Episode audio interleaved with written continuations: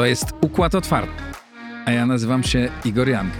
Chcesz pokoju? Szykuj się do wojny, mówił Jarosław Kaczyński, prezentując projekt ustawy o obronie ojczyzny. Czy duża armia, którą proponuje minister Błaszczak, to dobra koncepcja? Jaki jest bilans zysków i strat konfliktu Polski z Unią Europejską? Dlaczego wielkie międzynarodowe koncerny płacą mniejsze podatki niż polskie firmy? I czy warto pracować po 16 godzin dziennie? O tym będę rozmawiał dziś z moimi znakomitymi gośćmi. Jacek Bartosiak, Piotr Zaręba i Cezary Kaźmierczak. Ci fantastyczni eksperci wystąpią dziś przed Państwem. A przypomnę, że Układ Otwarty jest niezależnym podcastem.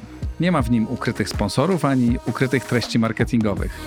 Jeśli podobają się Wam moje rozmowy i chcecie, by podcast trwał i rozwijał się, możecie wesprzeć go za pośrednictwem serwisu patronite.pl. Powoli rośnie liczba patronów. Serdecznie dziękuję wszystkim z Was, którzy zdecydowaliście się wesprzeć Układ Otwarty. Zachęcam do tego wszystkich Państwa. Patroni Układu Otwartego zostają członkami zamkniętej grupy na Facebooku, w której piszę o swoich planach i mogą też otrzymywać newsletter, w którym rekomenduję każdego tygodnia najciekawsze teksty wyszukane przeze mnie w sieci. Serdecznie zapraszam. I jeszcze jedno. Jeśli słuchacie mnie na Apple Podcast, zostawcie swój komentarz. A jeśli korzystacie ze Spotify, weźcie udział w ankiecie. Tam w aplikacji zadałem pytanie, czy waszym zdaniem potrzebujemy małej i bardzo dobrze wyposażonej armii, o której mówi Jacek Bartosiak, czy też dużego 300-tysięcznego wojska, za którym opowiada się minister Błaszczak? Odpowiedzcie na to pytanie. I to tyle ogłoszeń, a teraz zaczynamy.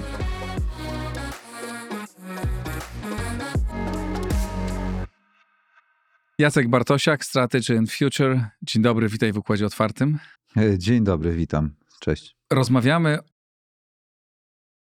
o projekcie ustawy o obronie ojczyzny, którą zaprezentowali we wtorek minister obrony Mariusz Błaszczak i prezes czy wicepremier Jarosław Kaczyński. Chcesz pokoju, szykuj się do wojen. Oczywiste hasło niekontrowersyjne.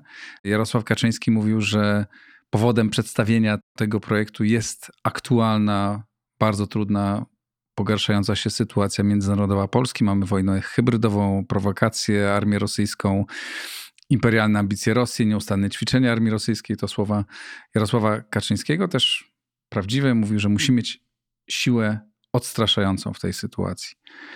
I przedstawili założenia projektu nowej, e, nowej ustawy. Czy ta ustawa coś radykalnie zmienia, czy tak naprawdę jest to kontynuacja tego, co się, co mówili, co myśleli rządzący? Muszę powiedzieć jedną rzecz na początku, że y, chciałbym pochwalić Jarosława Kaczyńskiego. Dlatego, że zaczął. To jest, to jest dozwolone jeszcze. Tak, z, e, zaczął tę konferencję bardzo dobrze poprzez właściwe zrozumienie sytuacji geopolitycznej państwa polskiego. Zaczął w takim duchu, jak powinien naprawdę przywódca, rozumiejący strukturę, o której rozmawialiśmy, prawda, podczas naszej rozmowy. I i bardzo dobrze, jak gdyby jest postawiona diagnoza, dlaczego potrzebujemy reformy sił zbrojnych i prawdziwej armii. No ja bym powiedział oczywiście armii nowego wzoru, tak? Jakkolwiek to nazwiemy. Natomiast e, nie można winić premiera Kaczyńskiego, że się nie zna na, na ewolucji charakteru pola walki Naprawdę, no, jest no, wicepremierem nie, odpowiadającym za, nie, no, za bezpieczeństwo i poważni, no Biden też się na tym nie zna, tak? I, i, i też no, oczywiście Polska nie, nie jest jakaś na szpicy myślenia to, o tych sprawach. W związku z tym trudno oczekiwać, żeby tam wszyscy, którzy tam doradzają, się znali na tym. I generalnie tutaj jest e, słabość. To znaczy. Ale to generalnie... przepraszam, że ci wejdę w słowo, jednak ja, ja bym oczekiwał od e, nie od premiera czy wicepremiera, od e, nie, nie. doradców, żeby to, się znali tak, ale, na sprawach, teraz zajął. To jest bardzo złożony temat, na, chyba na oddzielną rozmowę, jak ten proces analityczny przebiega w Polsce, bo on też nie jest idealny. Nie jest. Natomiast e, to, bo to też nie chciałbym zabrzmieć krytyka przeciwko krytyce. Chcę pochwalić premiera Kaczyńskiego, bo to trzeba, i naprawdę odważnymi słowami to powiedział, to trzeba tak, społeczeństwo chyba tam zadrżało. Nie? Jest możliwość wojny, trzeba się przygotowywać. Sytuacja międzynarodowa ulega pogorszeniu, no, słyszeliśmy to. I, I przedstawiają instrument. Znaczy propozycję instrumentu to jest tylko tak zarysowany ten instrument. No, nie byli też konkretni, szczerze mówiąc, jeżeli chodzi o zdolności. I bardzo się cieszę, że ta debata, w ogóle to jest dobry ruch ogólnie, przy czym chciałbym przekonać e, i ministra Błaszczaka, i premiera Kaczyńskiego bo zresztą oni się wprost odnieśli tak naprawdę do pomysłu Armii Nowego Wzoru. Widać, że ich tam kłuje to, że, że e, jest spore poparcie, a jest w wojsku dla Armii Nowego Wzoru. To Powiedzieli, to... że są przeciwni koncepcji tak, małej, tak, dobrze tak. Tylko wyposażonej to jest złe, złe zrozumienie, armii. bo to nie jest mała armia, tylko armia pełni ukompletowana, z grubsza można powiedzieć w tym samym składzie brygadowym jak teraz, tylko w pełni ukompletowana i w gotowości bojowej, a nie tak jak teraz. I Ale tu jest, czyli powiedzmy... oparta na zdolnościach, a nie na liczbie. I później rzeczywiście wasza minister Błaszczak za dużo się koncentrował na pozyskiwaniu żołnierza do służby i tak dalej. No, I to nie tak się to powinno robić. O tym, że to powinna być armia duża, która ma co najmniej 250 tysięcy żołnierzy zawodowych i 50 tak? tysięcy tak, żołnierzy nie usłyszałem tego, tak, wojsk e, obrony terytorialnej, czyli razem co najmniej 300 tysięcy. Czyli nie mówi właśnie o zdolnościach i o celach, tylko o tym, Polecam, że ma być duże. Polecam sprawdzić, ile, ma wojsk, ile mają wojska lądowe USA. I A ile mają? sobie. No, jeżeli oni chcą mieć pod 300, to naprawdę mają niewiele więcej mhm. w linii, tak? Amerykanie. Więc e, e, oczywiście Amerykanie mają flotę, e, korpus piechoty morskiej, tak? E, sił powietrznej i w ogóle, i Gwardię Narodową, no ale są globalną potęgą, hegemonem świata, tak? E, przynajmniej starają się utrzymać status hegemona. Współczesna wojna na czym innym polega i mam nadzieję, że przekonam premiera Kaczyńskiego w tej debacie, która moim zdaniem się dopiero rozpoczyna, bo to, że mają pomysł, że rozumieją jaka jest sytuacja geopolityczna, to się chwali. To, że myślą jak to sfinansować, to się chwali. To, że rozumieją, być może dwudziestowiecznie, że trzeba zwiększyć liczbę, bo tak się kiedyś myślało, ja w dobrej wierze tłumaczę to zwiększyć zdolności, ok? I tylko jest kwestia im wytłumaczenia tego, że tak się to robi i tak jak mówię. A to dosyć to... fundamentalna różnica w tych dwóch Tak, e, ale wizjach. to jest, no po prostu to jest... Przedstawimy raport Armii Nowego Wzoru z szczegółowym projektem bitwy manewrowej jak to się robi. I no, te argumenty chciałbym stoczyć prawdziwą debatę, a nie y, domniemaną na ten temat. Też wydaje mi się, że dożyjemy czasów, że Amerykanie nawet zaczną naszym tłumaczyć, jak, jak, jak się buduje zdolności. No bo ja nie wiem, co jeszcze się musi wydarzyć, żeby ktoś to zrozumiał. I innymi słowy, mam nadzieję, że teraz się rozpocznie prawdziwa merytoryczna debata na temat realnych zdolności, a nie pustych liczb bo nie w tej chwili jeden żołnierz, średnio wyszkolony, z karabinem, czy to MSBS-em, prawda, grotem, czy kałachem, czy berylem, robi odstraszanie. I tutaj bardzo ważną rzecz, o której też chyba rozmawialiśmy, że to, to, to co zwłaszcza mówi minister Błaszczak, to jest odstraszanie pasywne, które dotyczy triggera artykułu 5. Chociaż trzeba przyznać, że premier Kaczyński bardzo ładnie na samym początku to, co powiedział, powiedział o tym, że wchodzimy, wojna hybrydowa, naprawdę no, czyta czyta, trzeba oddać, bo jak gdyby rolą polityka jest zrozumienie strukturalnego napięcia w świecie, a no nie, on nie musi rozumieć pola walki, tak? Jak, jak narzędzie ma być ukształtowane, żeby to wygrywać. Tylko to zależy od jego doradców, doradców wojskowych i tu jest słabość. I mówił, że zanim tam przyjdą nam z pomocą, to długi czas minie. No to właśnie o to chodzi. I teraz ten instrument, który on proponuje, nie obsłuży tego czasu, do, bo ze względu na ewolucję pola walki i sposób prowadzenia wojny nowej generacji. I tutaj jest, nie, jest, jest różnica zdań. Ja bym bardzo chciał i publicznie chcę to powiedzieć, dzisiaj też to będę mówił w innych e, mediach, że tutaj potrzebujemy merytorycznej debaty, ale nie na miazmaty, magicznej opowieści, czy jakieś rozgrywania interesów, tylko realnej debaty, jak się liczy zdolnościami, być może nawet z udziałem wojska realnego, tak?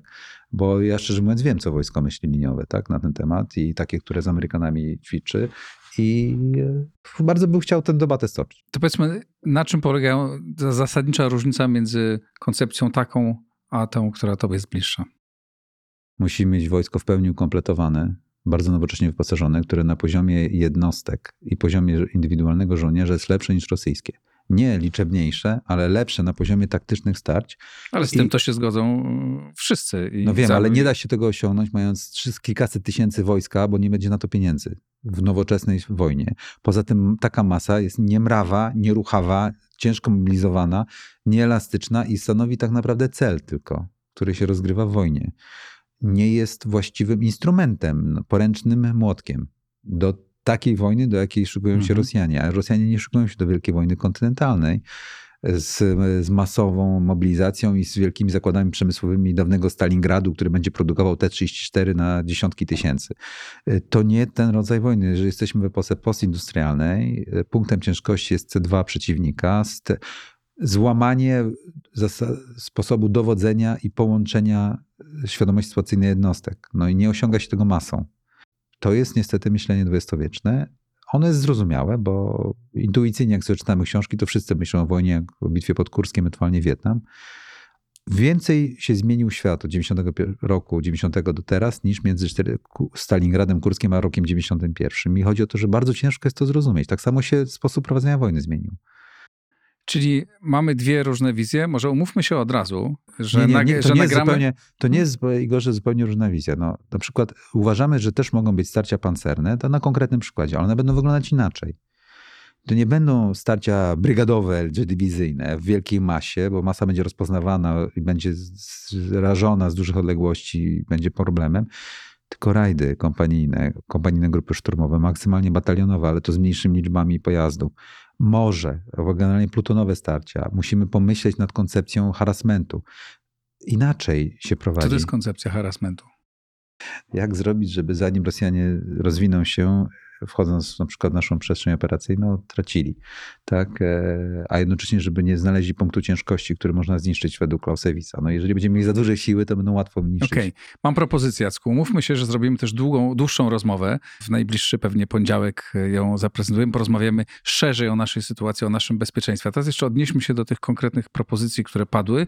Co do ogólnej koncepcji, to rozumiem, jaka jest różnica armia duża i mniejsza, ale też mówił takie rzeczy dosyć niekontrowersyjne chyba również dla, dla ciebie o wprowadzeniu e, nowych świadczeń motywacyjnych dla żołnierzy, żeby chcieli dłużej właściwie to pracować. Jest, właściwie to jest kontrowersyjne, Igor, że powiem szczerze. Dlaczego? Dlatego, że wydaje mi się, trochę jak nie chciałbym być politykiem, bo to jest akurat rzeczywiście nie strategia, ale no społeczeństwo nie zostanie przekonane tym, że jest jakieś świadczenie x złotych, tylko musi uwierzyć, że to jest prawdziwy nowy instrument, armia nowego wzoru, gdzie nie ma nepotyzmu, gdzie się wygrywa, nie przegrywa, gdzie się potem ma świetną robotę i to jest elita. No, ale też mówili o wprowadzeniu wszystkich tych działań antykorupcyjnych, antynepotycznych, które jak rozumiem funkcjonują chyba już. Nie jest to... No dobra, no ja generalnie miałem, tu, tu oczywiście jest kwestia sporu, ja nie jestem socjologiem, ale wydaje mi się, czuję to, że społeczeństwo dojrzało do tego, żeby poczuć, że ma super nowoczesne siły zbrojne, które ma pieniądze i jest dumne z sił zbrojnych RP, a Polska ma tradycje wojskowe i takie szanuje jak dawno, armię dawnej Rzeczpospolitej, prawda, w wieku szczyt, szczytu, a mamy na to pieniądze i zdolności. Nie służy droga takim dyskusjom o zasadniczej służbie, tylko ochotniczej. W dodatku 313 zł plus VAT, bez VAT-u, ZUSy, ubezpieczenia. Po prostu roz... to jest w ogóle rozmiękczanie. No, ten sposób, zachęcanie w ten sposób, to od razu trzeba było powiedzieć, że jest nie wiem, podwojenie pensji oficerskich tak, w jednostkach liniowych. Proszę bardzo, są na to pieniądze i z odchudzeniem służb tyłowych. No, ale to, to jest, jest zmiana fundamentalna. Ludzie hmm. muszą poczuć zmianę. Czyli rozumiem, że twój zarzut dotyczy tego, że to jest takie działanie bardzo kosmetyczne, a nie zmieniające Generalnie fundamentalnie Dima sytuację Adamski, żołnierzy. Dima Adamski pisał, że przy innowacji uważać na to, żeby nie stworzyć tego, z tego konstruktu polityczno-społecznego. No i to niestety to mam wrażenie, że nie rozmawialiśmy o zdolnościach realnych, tylko obsłudze tak konstruktu polityczno-społecznego w pewnym momencie, tak? Ale to akurat tu mogę się mylić. No, mi osobiście, ten wątek o naprawdę, że to było ważne na tej konferencji. A może przedstawić, jakie jest ukształtowanie sił zbrojnych, jaka jest droga docelowa, jak, co, do czego mają służyć, jaki ma być etos w niej, jakie ma być morale w tym wojsku, tak? I ogólnie powiedzieć, że się będzie, nie wiem, półtora razy więcej zarabiało, dwa razy więcej niż teraz, albo do, do wielkości bazowej. No to jest wizja jakaś, a wchodzenie w, prawda, w buchalterię szczegółową w rodzaju służby, przecież nikt nie, nie tak naprawdę po, po tej konferencji nie bardzo wiadomo, jak jest. No poza tym, że ma być e, duża. Wobec tego mamy, podsumowując, mamy tą samą ocenę sytuacji, taka jak jest, zagrożeń i z tym się, jak rozumiem, e, zgadzasz i, i dwie różne wizje tego, jak należy konstruować armię, a szerzej porozmawiamy o tym w najbliższy poniedziałek. To już Państwa na, na tę rozmowę zapraszam, bo myśmy się na tę rozmowę już umówili. Jacek Bartosiak, bardzo Ci dziękuję. Dziękuję pięknie.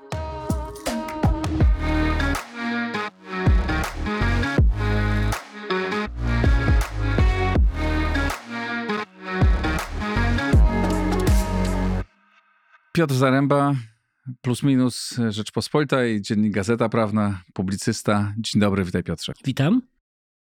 Mamy rosnący konflikt z Unią, właściwie z każdego dnia eskaluje coraz bardziej. Zastanawiam się, jaki jest dla Polski jako państwa, ale niekoniecznie dla, dla rządu, bilans zysków i strat. Czy cokolwiek na tym konflikcie my możemy, zyskujemy, bądź możemy zyskać w przyszłości?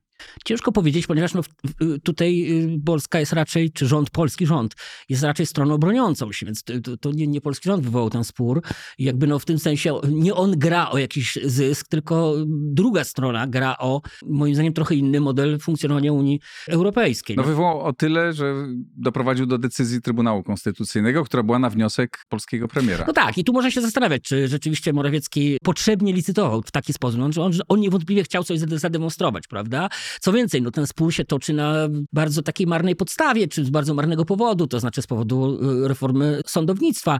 To są dwie różne kwestie. Pierwsza kwestia jest taka, czy to jest dobra reforma, czy przeciwnie, jest to jednak y, no, psucie państwa, psucie wymiaru sprawiedliwości. Drugie pytanie, czy Unia y, Europejska ma prawo to poprawiać, ma prawo to korygować. Moim zdaniem jest to dyskusyjne, co najmniej dyskusyjne, natomiast oczywiście no, można sobie wyobrazić sytuację, w której, nie wiem, Morawiecki przekonuje Kaczyńskiego, żeby takiej reformy sądownictwa nie robić, że ona jest jakby niewarta wojny, która zostanie wywołana. Mam wrażenie, że Prawo i Sprawiedliwość, e, liderzy polskiego państwa nie przewidzieli tak konsekwentnej akcji e, instytucji unijnych.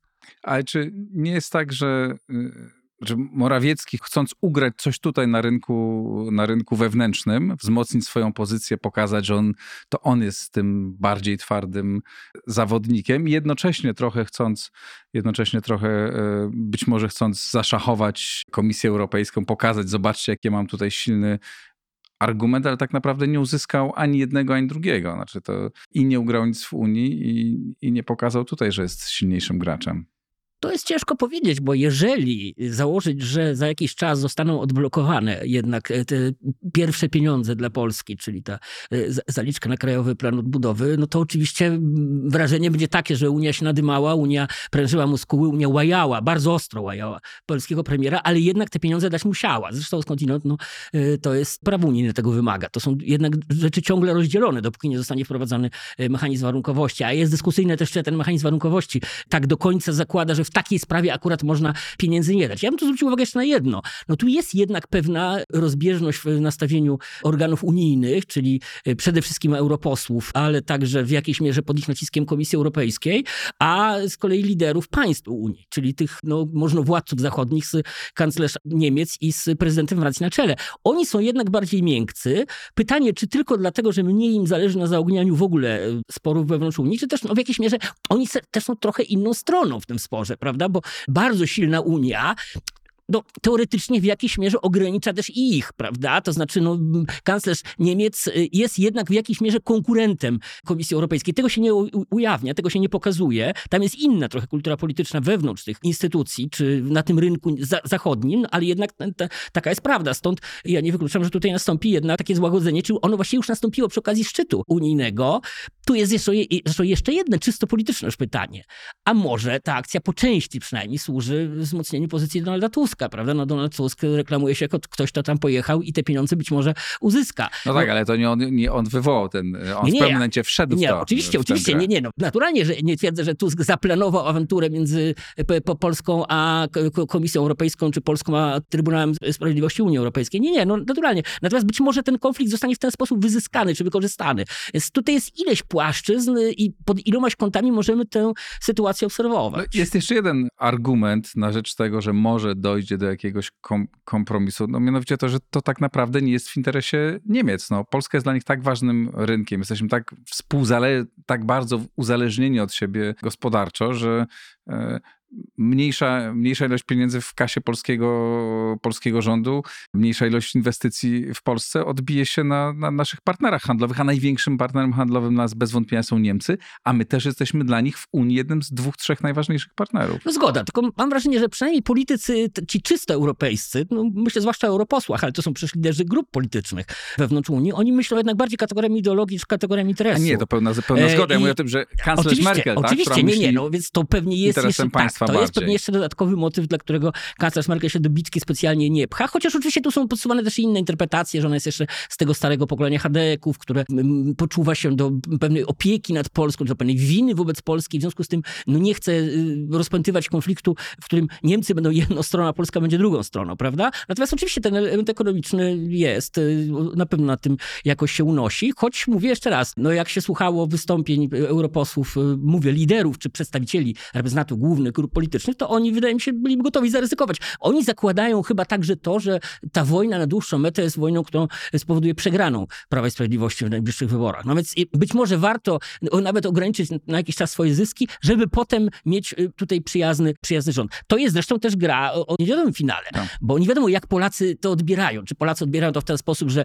skórka nie warta wyprawki, my się pogódźmy z Unią, czy Polacy odbierają to w ten sposób, że no coś nam chcą narzucić. Wydaje mi się, że przynajmniej nie ma pewności co do tego, stąd Tusk właśnie występuje w roli tego e, dobrego, prawda, tego, który e, mediuje między Po- Polską a Unią Europejską. No, poza tym są jeszcze ich interesy polityczne tych poszczególnych polityków w Parlamencie Europejskim, którzy w swoich krajach występują i są to najczęściej ci politycy, nie wiem, lewicowo-liberalni, mówiąc tak ba- bardzo z grubsza, tak, bo oczywiście oni są bardzo, bardzo różni i oni też tego używają do swojej wewnętrznej kampanii we własnym kraju, żeby piętnować Polskę, Węgry, bo to gdzieś w ich, w ich retoryce, w ich elektoracie to też jest dobrze, to też jest dobrze odbierane. I tak polscy politycy występując w parlamencie europejskim tak naprawdę mówią do polskich wyborców, tak francuscy, niemieccy podobnie. Tak, to jest nawet chyba głębsze, to znaczy to nie jest tylko gra o wyborców, ale to jest też chyba jakaś trochę wymyślona przez część polityków europejskich y, recepta na tożsamość Unii Europejskiej. Mhm. To znaczy, krótko mówiąc, no, ta tożsamość się gdzieś tam zaczęła troszeczkę, y, y, może nie sypać, ale jakoś tam jakieś rysy się pojawiły, no w związku z tym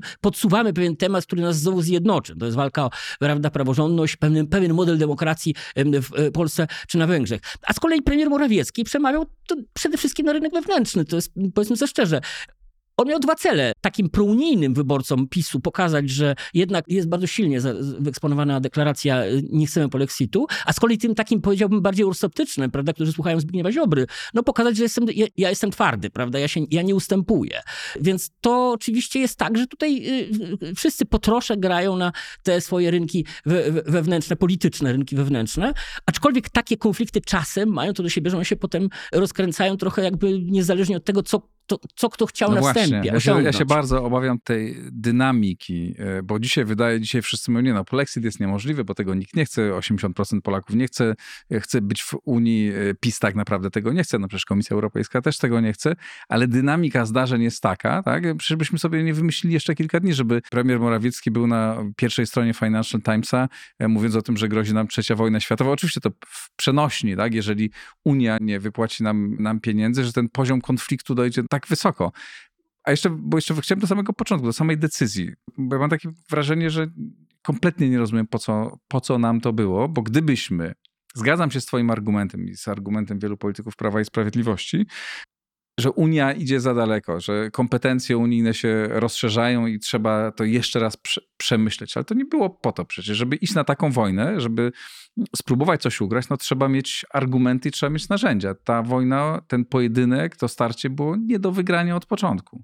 No, politycznie, y, tak doraźnie politycznie rzeczywiście tak jest. No I powtarzam, to nawet można by bardziej mocno ująć, to znaczy nie, niepotrzebna była też cała akcja związana z sądownictwem, to znaczy to, to można było przewidzieć, prawda? Jeżeli przecież y, y, w 2017 zaczynano ustawy, która zakładała odwołanie całego Sądu Najwyższego. Zresztą teraz ten temat wróci, bo przecież jest znowu pomysł, żeby Sąd Najwyższy zmniejszać, a, a, a wszystkie sądy reorganizować i usuwać tak naprawdę sędziów, no to tym sensie jest to niepotrzebne. Natomiast to jest zarazem spór ustrojowy, spór o ustrój Unii, spór o możliwość wpływania Unii na ustroje i procedury w poszczególnych państwach i z tego punktu widzenia, no to z kolei Morawiecki nie jest bez racji. To znaczy on e, takie teoretyczne racje ma dość mocne. Oczywiście, że ma, tylko że nie ma narzędzi do tego, żeby te racje e, przeforsować. To fakt, e, chociaż no jeżeli, no tak, tak, zgoda. No i, i, i gdzieś przecież na końcu jest jednak ta, gdzieś ba, bardzo y, półgębkiem wypowiadana, ale jednak ta konkluzja, że zlikwidujemy Izbę Dyscyplinarną. Czyli w zasadzie odmawiamy CUE wtrącania się, a jednocześnie stosujemy się, y, aczkolwiek bardzo jakiś taki pokrętny sposób do tego, tej konkretnej decyzji. No zgoda. Natomiast ja się trochę boję, że ta dynamika będzie się posuwać y, no, nie tylko w kontekście ustroju sądownictwa w Polsce. No, jednak y, na przykład Parlament Europejski coraz wyraźniej daje sygnały, że chce, żeby na przykład Unia się wtrącała w rozwiązania światopoglądowe, czy ideowe, czy o, o, obyczajowe. No i tu już jest problem większy niż w przypadku sądu, bo te, te, tych sądów można było w ogóle nie reformować, a nawet moim zdaniem byłoby lepiej, gdyby ich nie reformowano. Natomiast no, jeżeli na, będzie próba próba na przykład y, wymuszenia na nas y, legalizacji aborcji, no to to jest jakby złamanie jednak tego, co się w 2004 roku zdarzyło. No myśmy wtedy mieli bardzo mocno deklarowane, i to wszyscy deklarowali, od Leszka Millera po polityków PiSu, że sprawy y, wewnętrzne, światopoglądowe właśnie, no one są sprawą poszczególnych państw, prawda? Tak. I to One, było wielokrotnie powtarzane Tak. jeszcze przez one jeszcze kilka lat i temu. one są ciągle, i one są ciągle, ale Mhm. sprawą poszczególnych państw, ale jest wyraźna tendencja, no jeżeli CUE któregoś razu znajdzie jakiś kruczek i będzie próbował na przykład się w tą sferę wtrącić, no to, to wtedy po, powód będzie poważniejszy niż w przypadku tego sądownictwa. Natomiast zgadzam się, że należało sk- skracać fronty. No, y, tutaj rząd y, nie skracał frontów. Mam takie wrażenie, że Morawiecki to rozumie, ale oczywiście nie ma na to żadnych dowodów. To znaczy, że Morawiecki robi to po prostu pod Kaczyńskiego, że Morawiecki myśli cały czas o sobie jako potencjalnym następcy prezesa PiSu i że on y, w tej sprawie nie jest autonomiczny, ale gdyby od niego zależałoby, to trochę inaczej rozegrał. Zapewne tak jest i to w 100% się zgadzam, czy gra o swoją przyszłą pozycję i te wystąpienia i w Parlamencie Europejskim i ten wywiad Financial Timesie to temu, to temu służy, a nie osiągnięciu e, realnego celu. Tylko pytanie, gdzie w tym wszystkim i rząd i, i, i ta prawa scena, ta zjednoczona prawica czy, czy PiS, e, gdzie, gdzie się znajduje? No dzisiaj do, doszło do tego, że Morawiecki musi szukać e, sojuszników we Francji u Marie Le Pen. E, Ciekaw jestem, jak oceniasz to, że on się. Czemu służyło mu to, mu to spotkanie? To przecież to była postać, której, o której nawet Jarosław Kaczyński się zdecydowanie odcinał. To też jest taki, no, taka oznaka słabości, no, że muszę, muszę już iść e, tam, a jednocześnie no, bardzo to utrudni mu relacje z e, prezydentem Francji dzisiejszym. Który okazał się stosunkowo miękki, prawda, Tak. w całej tej rozgrywce. Tak. Rzeczywiście. Nie, no ja to źle oceniam, chociaż oczywiście no, rozumiem taki odruch psychologiczny. Te, te grupy prawicowe w Parlamencie Europejskim były jedynymi, które broniły Morawieckiego. Zresztą można powiedzieć, że to jest taki odruch bo- pod tytułem, no skoro wy nas broniliście, to my e, do, do was wyciągniemy rękę. Natomiast oczywiście polityka się nie rządzi tego typu sentymentami, e, a z punktu widzenia no, takiej pragmatyki, no to i szkodzi na, to w relacjach z tymi mainstreamowymi partiami, chociaż pytanie, czy można jeszcze bardziej zaszkodzić, ale też no, jest to gra, yy, k- która no, w jakimś ogólnym sensie, i tu się zgodzę, chociaż w ogóle się nie zgadzam z argumentem, że Pi- PiS y, obsługuje interesy Rosji, no to niewątpliwie gest w kierunku Marine Le Pen to jest coś, co y, ucieszy Moskwę, przecież y, Rosja finansuje te zachodnie Tak. y, partie eurosceptyczne, a na koniec o samej, chciałem porozmawiać o samej dynamice, jaka może nastąpić w Unii Europejskiej, nie tylko w Polsce, ale w innych krajach.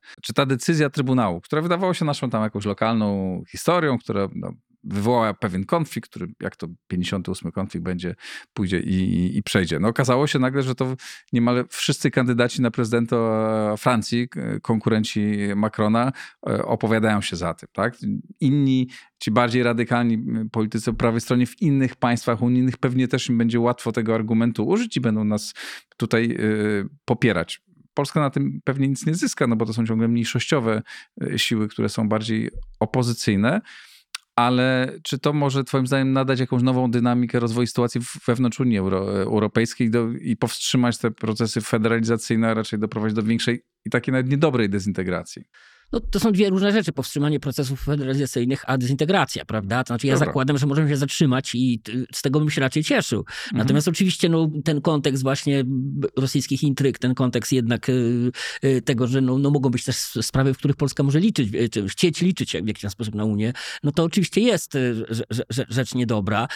Ja pamiętam, że już parę lat temu była taka, ta, taka atmosfera, bo tudom, że tam dojdzie do jakichś przełomów takich wyborczych, że wygrają, a jeśli nie wygrają, to w każdym razie będą o wiele silniejsze te partie y, eurosceptyczne. I to się wtedy nie potwierdziło. Tak. To znaczy, to się, to się w gruncie rzeczy cały czas te główne partie mainstreamowe tam mają kartel y, czy pakiet większościowy. Więc w tym przypadku też oczywiście to może być zawodne, ale też trochę rozumiem, że Polska szuka jakichś sojuszników. No, y, to znaczy, niestety for, formacje mające podobny pogląd do PiSu na sprawy Unii Europejskiej, na sprawy federalizacji, no to są przeważnie formacje, no to dotyczy Orbana, to dotyczy Salviniego, to dotyczy właściwie wszystkich tych czołowych ugrupowań, no przynajmniej powiedziałbym neutralne, że nieprzyjazne wobec Putina. No, no Tak. to jest oczywiście ten kontekst, który no, no, no, no, nie może cieszyć. No i to samo dotyczy partii e, Marie Le Pen. No dokładnie, nawet może, nawet, może mocniej, tak, to prawda. Czy Twoim zdaniem na koniec końców to wzmocni w, tutaj wewnętrznie e, ten rząd, czy wyborcy Prawa i Sprawiedliwości e, i ci wyborcy po prawej stronie Konfederacji uznają, tak, no PiS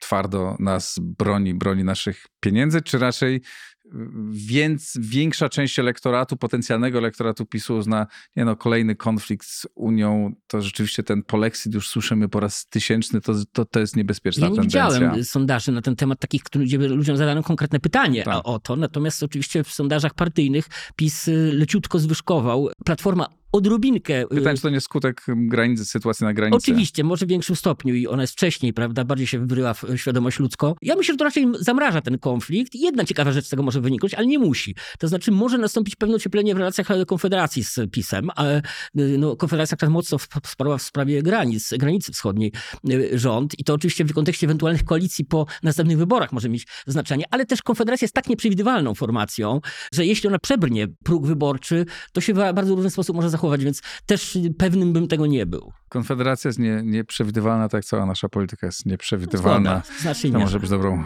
puentą. Piotr Zaręba, bardzo Ci dziękuję. Dziękuję bardzo. Przypominam, że słuchacie niezależnego podcastu Układ Otwarty. Jeśli podoba Wam się ta rozmowa, możecie wesprzeć rozwój podcastu w serwisie patronite.pl. Weźcie też udział w ankiecie, która jest z kolei w aplikacji Spotify. Cezary Kaźmierczak, Związek Pracodawców i Przedsiębiorców. Dzień dobry. Dzień dobry. Jak Polski Ład wpłynie na sytuację polskich przedsiębiorców na tyle, no ile wiemy dzisiaj, jaki będzie kształt tego? Znaczy jest to regulacja bardzo szkodliwa z dwóch powodów. Znaczy ona podwyższa y, w dość istotny sposób y, podatki jednej grupie, czyli generalnie polskim przedsiębiorcom, polskim y, małym i średnim firmom. I to jest je- jedna zła strona tego rozwiązania. Drugie, no komplikuje jeszcze bardziej tak już skomplikowany system podatkowy. Rząd chyba chce, żeby ludzie nie zajmowali się prowadzeniem kwieciarni, czy fitness klubów, czy zakładów fryzjerskich, tylko biur finansowo-księgowych i rozwiązywali tam i rozkminiali te wszystkie zagadki, pułapki, ulgi. Jak przeczytałem A te to może jest ważne, żeby tworzyć taką przestrzeń do rozwoju nowych, nowych branż. możliwe, no właśnie jak przeczytałem listę ulg do tego nowego ładu, to najpierw się załamałem, potem się roześmiałem, a potem wynajęliśmy rapera, który ma to zaśpiewać, bo to, to się nadaje to się nadaje e, naprawdę do kabaretu. Jak kiedyś dekret o stanie wojennym śpiewa, e, śpiewa piwnica pod baranami, to my zaśpiewamy ulgi do Nowego Ładu. I drugie, mm, dalej Ale jesteście pewni, że to wszystkim przedsiębiorcom, czyli tym zarabiającym, no trochę więcej niż średnia krajowa, rzeczywiście No to nie, no, tam podatki są będą ich oczywiście wyższe? elementy y, y, takie ulubione przez Ministerstwo Finansów, czyli Polska A, Polsce B każe się całować w D, e, czyli tam niektórym obniżą ulgi specjalne dla informatyków i tak dalej, i tak dalej. No ja zresztą mam wrażenie, tam rozmawiając często w Ministerstwie Finansów w sprawie tego nowego ładu, jakbym był na Czerskiej, no, że polski biznes to najgorszy, że to kombinatorzy, nie płacą podatki, mało innowacyjny. Na szczęście rząd się tym ośmieszył, ale to była taka podgotowka pod, pod Polski Ład. Polski Instytut Ekonomiczny opublikował raport o nieinnowacyjności generalnie polskiego sektora MSP, w którym zarzucił, że hydraulik, kwiaciarka, czy jakiś stolarz nie ma ekspozycji eksportowej na przykład. No ja No, ale to jest opis sytuacji, to nie jest zarzut, nie? No, tak, no ja próbowałem dociec, w jaki sposób hydraulik ma zacząć eksportować swoje usługi mm, za granicę i tworzyć międzynarodowy holding hy- hydrauliczny, żeby zyskał uznanie w oczach PIE. Ale mi się nie udało, bo stwierdzono, że hejtuje i w ogóle i tak dalej, i tak dalej. Natomiast z drugiej strony no jest e, taki strach przed korporacjami. No, wmówiono premierowi, że jeżeli opodatkujemy kor- korporacje podatkiem minimalnym 1%, e, to po pierwsze z tego nie będzie żadnych pieniędzy, co jest jakimś już ko- korendalnym absurdem i współczuję premierowi, że w to uwierzył. Mówisz teraz o międzynarodowych dużych tak, korporacjach. Tak, Min- minimalny podatek CIT Mhm. 1% i że to zablokuje jakiekolwiek inwestycje i, ta, i tak dalej. I zrobiono taki jakiś potworek zupełny, który myślę, jeżeli chodzi o myśl legislacyjną, to przewyższy ustawę VAT-owską p- profesora Modzelewskiego i będzie miała więcej nowelizacji, będzie więcej z tego śmiechu, więcej sporów sądowych. Bo to gwarantuje ta, te- ta 0,4 CIT, do którego kategorycznie się odcinam, że to jest z tymi swoimi różnymi ulgami na ulgach. 0,4 CIT proszę wyjaśnić, bo nie 0,4 wszyscy nasi słuchacze pamiętają. CIT od obrotu. Mhm. E, Minimalny CIT 0,4 od obrotu e, z To będzie obowiązywało tak, ma obowiązywać z nieprawdopodobną ilością najróżniejszych wyjątków. Tak? No, jeżeli chodzi o podatek CIT, jest to podatek o charakterze kabaretowym w Polsce. 63% spółek nie płaci go w ogóle. W ogóle. Kolejne 30 płaci go w minimalnym stopniu. Ale nie tylko międzynarodowe, ale tak, też polskie ogólnie, nie płacą. tak, tak, tak, tak. W podejściu nie ma różnicy. Nie. Wszyscy przedsiębiorcy próbują płacić jak najmniej.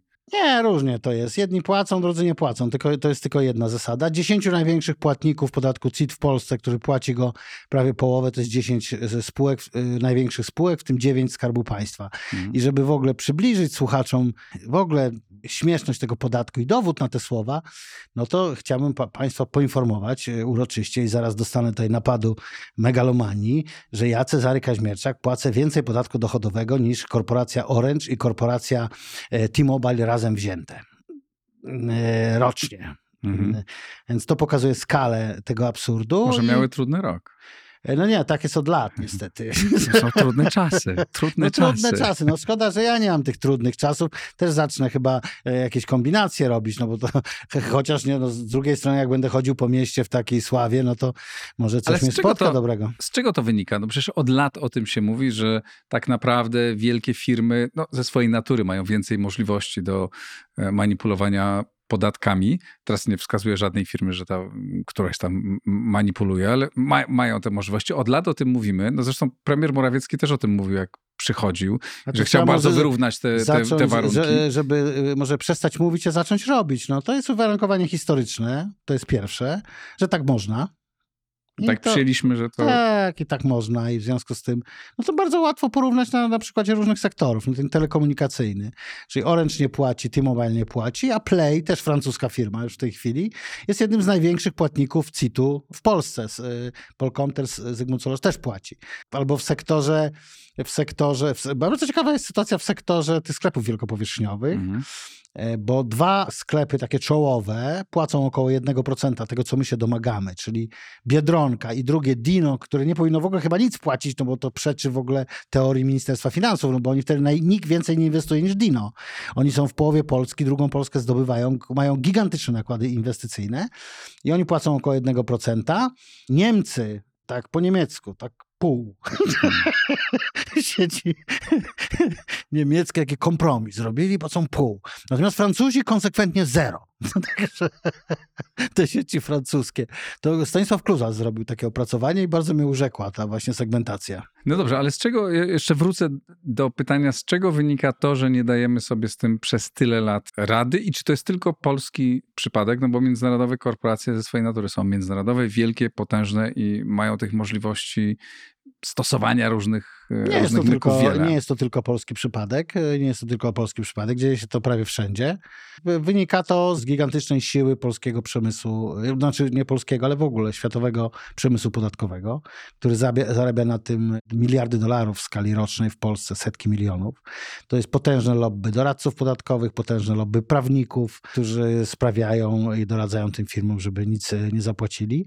I wynika ze słabości rządu, w tym również tego rządu, bo od pięciu lat też nic z tym nie zrobił, podobnie jak poprzednie, mimo najróżniejszych apeli, że my chcemy konkurować na, na równych warunkach i żeby oni też płacili podatki, bo też korzystają z dróg polskich, które polski podatnik funduje, nie wiem, z oświetlenia na ulicach i z pogotowia ratunkowego, jak trzeba. Wszyscy się okazują na końcu za słabi w stosunku do tego lobbingu, różnego rodzaju najbardziej fałszywych argumentów, które są wyszywane, nieprawdziwych, e, straszenia, upadkiem, tam, że to niezgodne z Unią Europejską. No to już jak udowodniliśmy, że to jest zgodne z prawem Unii Europejskiej, to następne argumenty jakby wyjeżdżają, że generalnie no, Polska upadnie, jeżeli korporacje, plus ta cała narracja tych neomarksistów e, z Ministerstwa e, Finansów, o tej innowacyjności, jakie oni tu niosą. No, jak mówię, jakbym był na Czerskiej. Innowacyjność, e, podatki inne płacą. Tak Maciej Witucki tłumaczył przy mnie premierowi, dlaczego Orange nie płaci podatku, to że on ze ZUS płaci. Że ZUS też wszyscy inni płacą jakoś, więc to nie jest jakaś Ale nie jest też tak, że te firmy często nie są innowacyjne i nie przynoszą ja innowacyjności do Polski.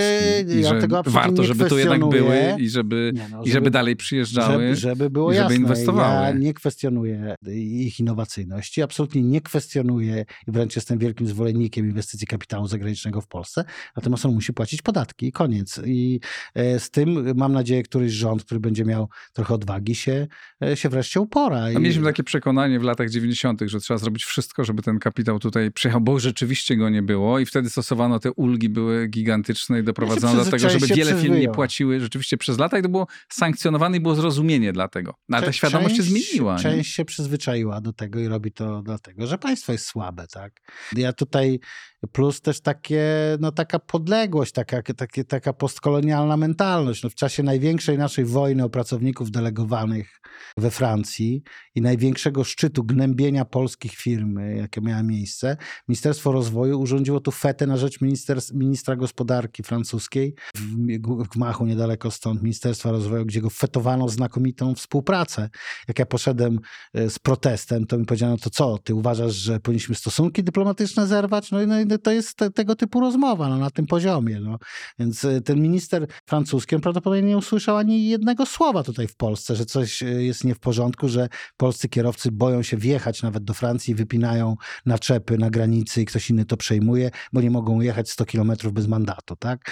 Znaczy Francja nam wypowiedziała wojnę handlową i ja uważam, że wojną handlową powinniśmy Francji odpowiedzieć, a nie chować uszy po sobie e, i udawać, że się nic nie dzieje, bo to jest tylko zachęta do No, ale kolejnych. też prowadziliśmy, też rozmaite gesty wobec Francji e, Gospodarcze wykonywali. jakie? No, jak kiedy zrezygnowaliśmy z zakupu ich helikopterów. No, a to e, już jest inny, inny rodzaj polityki. To już jest e, trochę duża polityka e, międzynarodowa. Raczej tego z gospodarką bym nie wiązał. Handel bronią e, nie- jest w moim przekonaniu elementem gospodarki.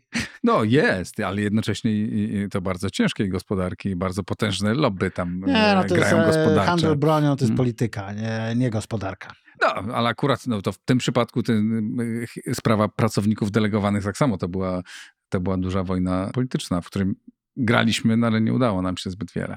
No nie udało się z powodu y, bierności rządu, z powodu bierności tych organizacji e, polskich transportowców. To ba bardzo też dobrze e, obrazuje te środowisko e, polskich przedsiębiorców, jak oni się zachowują.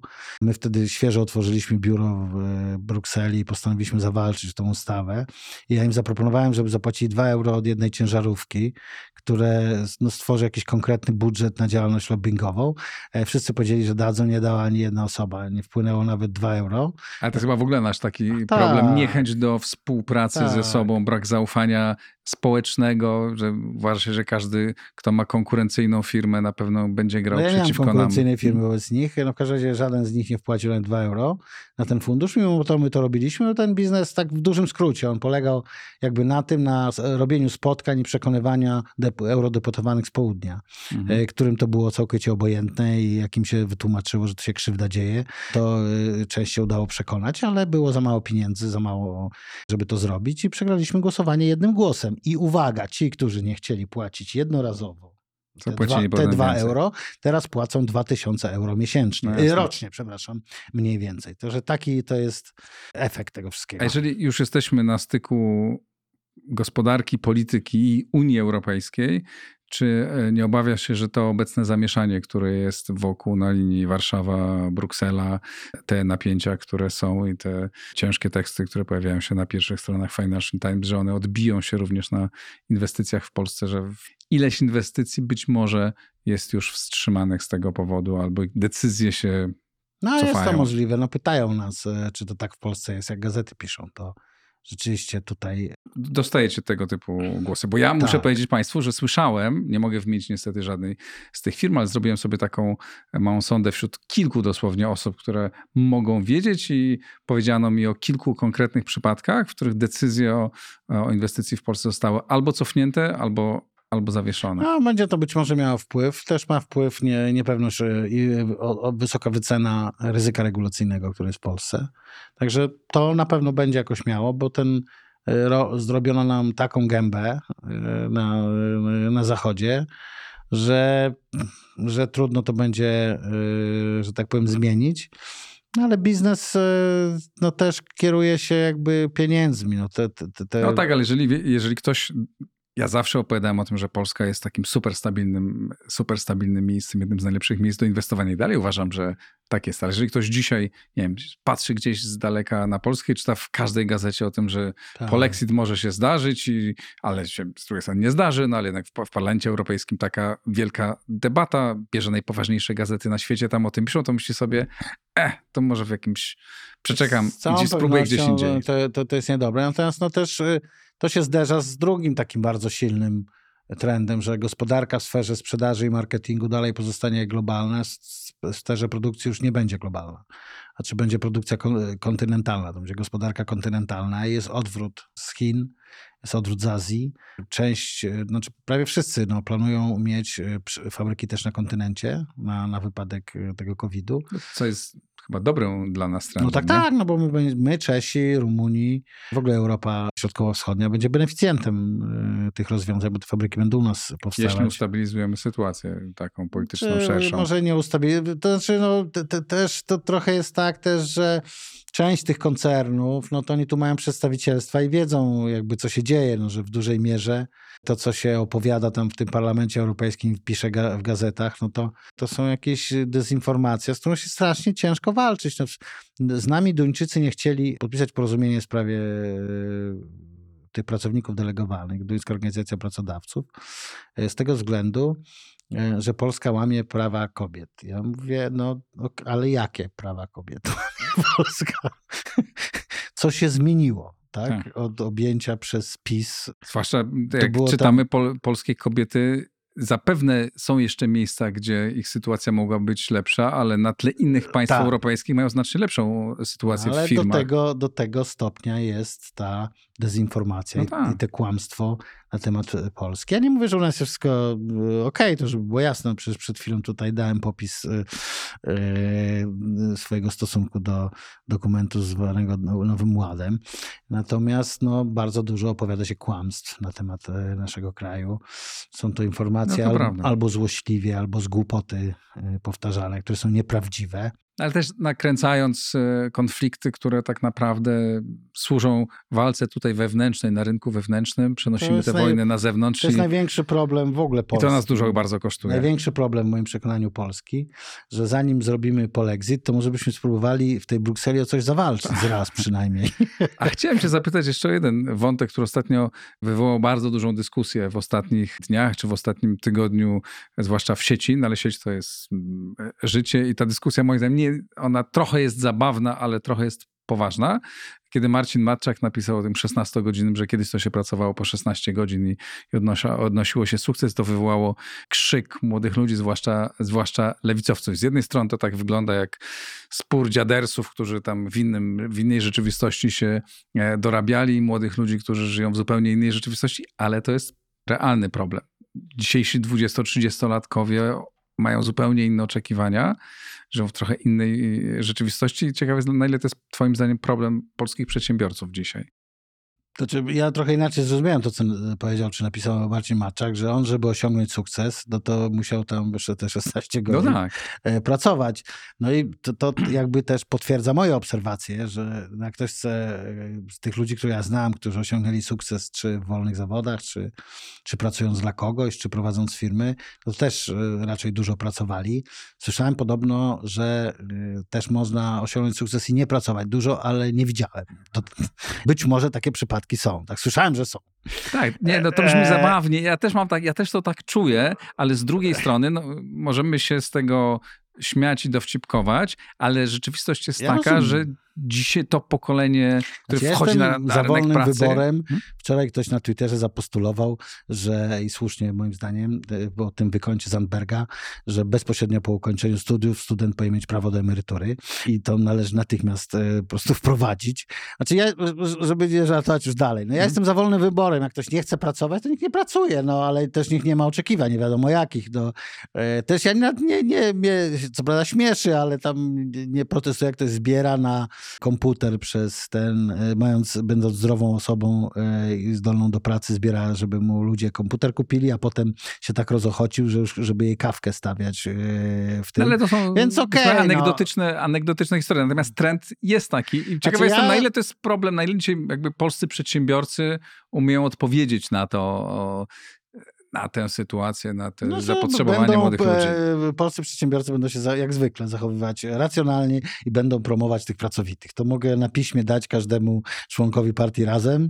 E, Ale to nie znaczy, że nie mów tak, że ci, którzy chcą pracować krócej, że oni nie są pracowici, że ci, którzy chcą też robić rzeczy po pracy, bo to też ważne ja jest. osobiście na przykład tępię e, siedzenie po godzinach.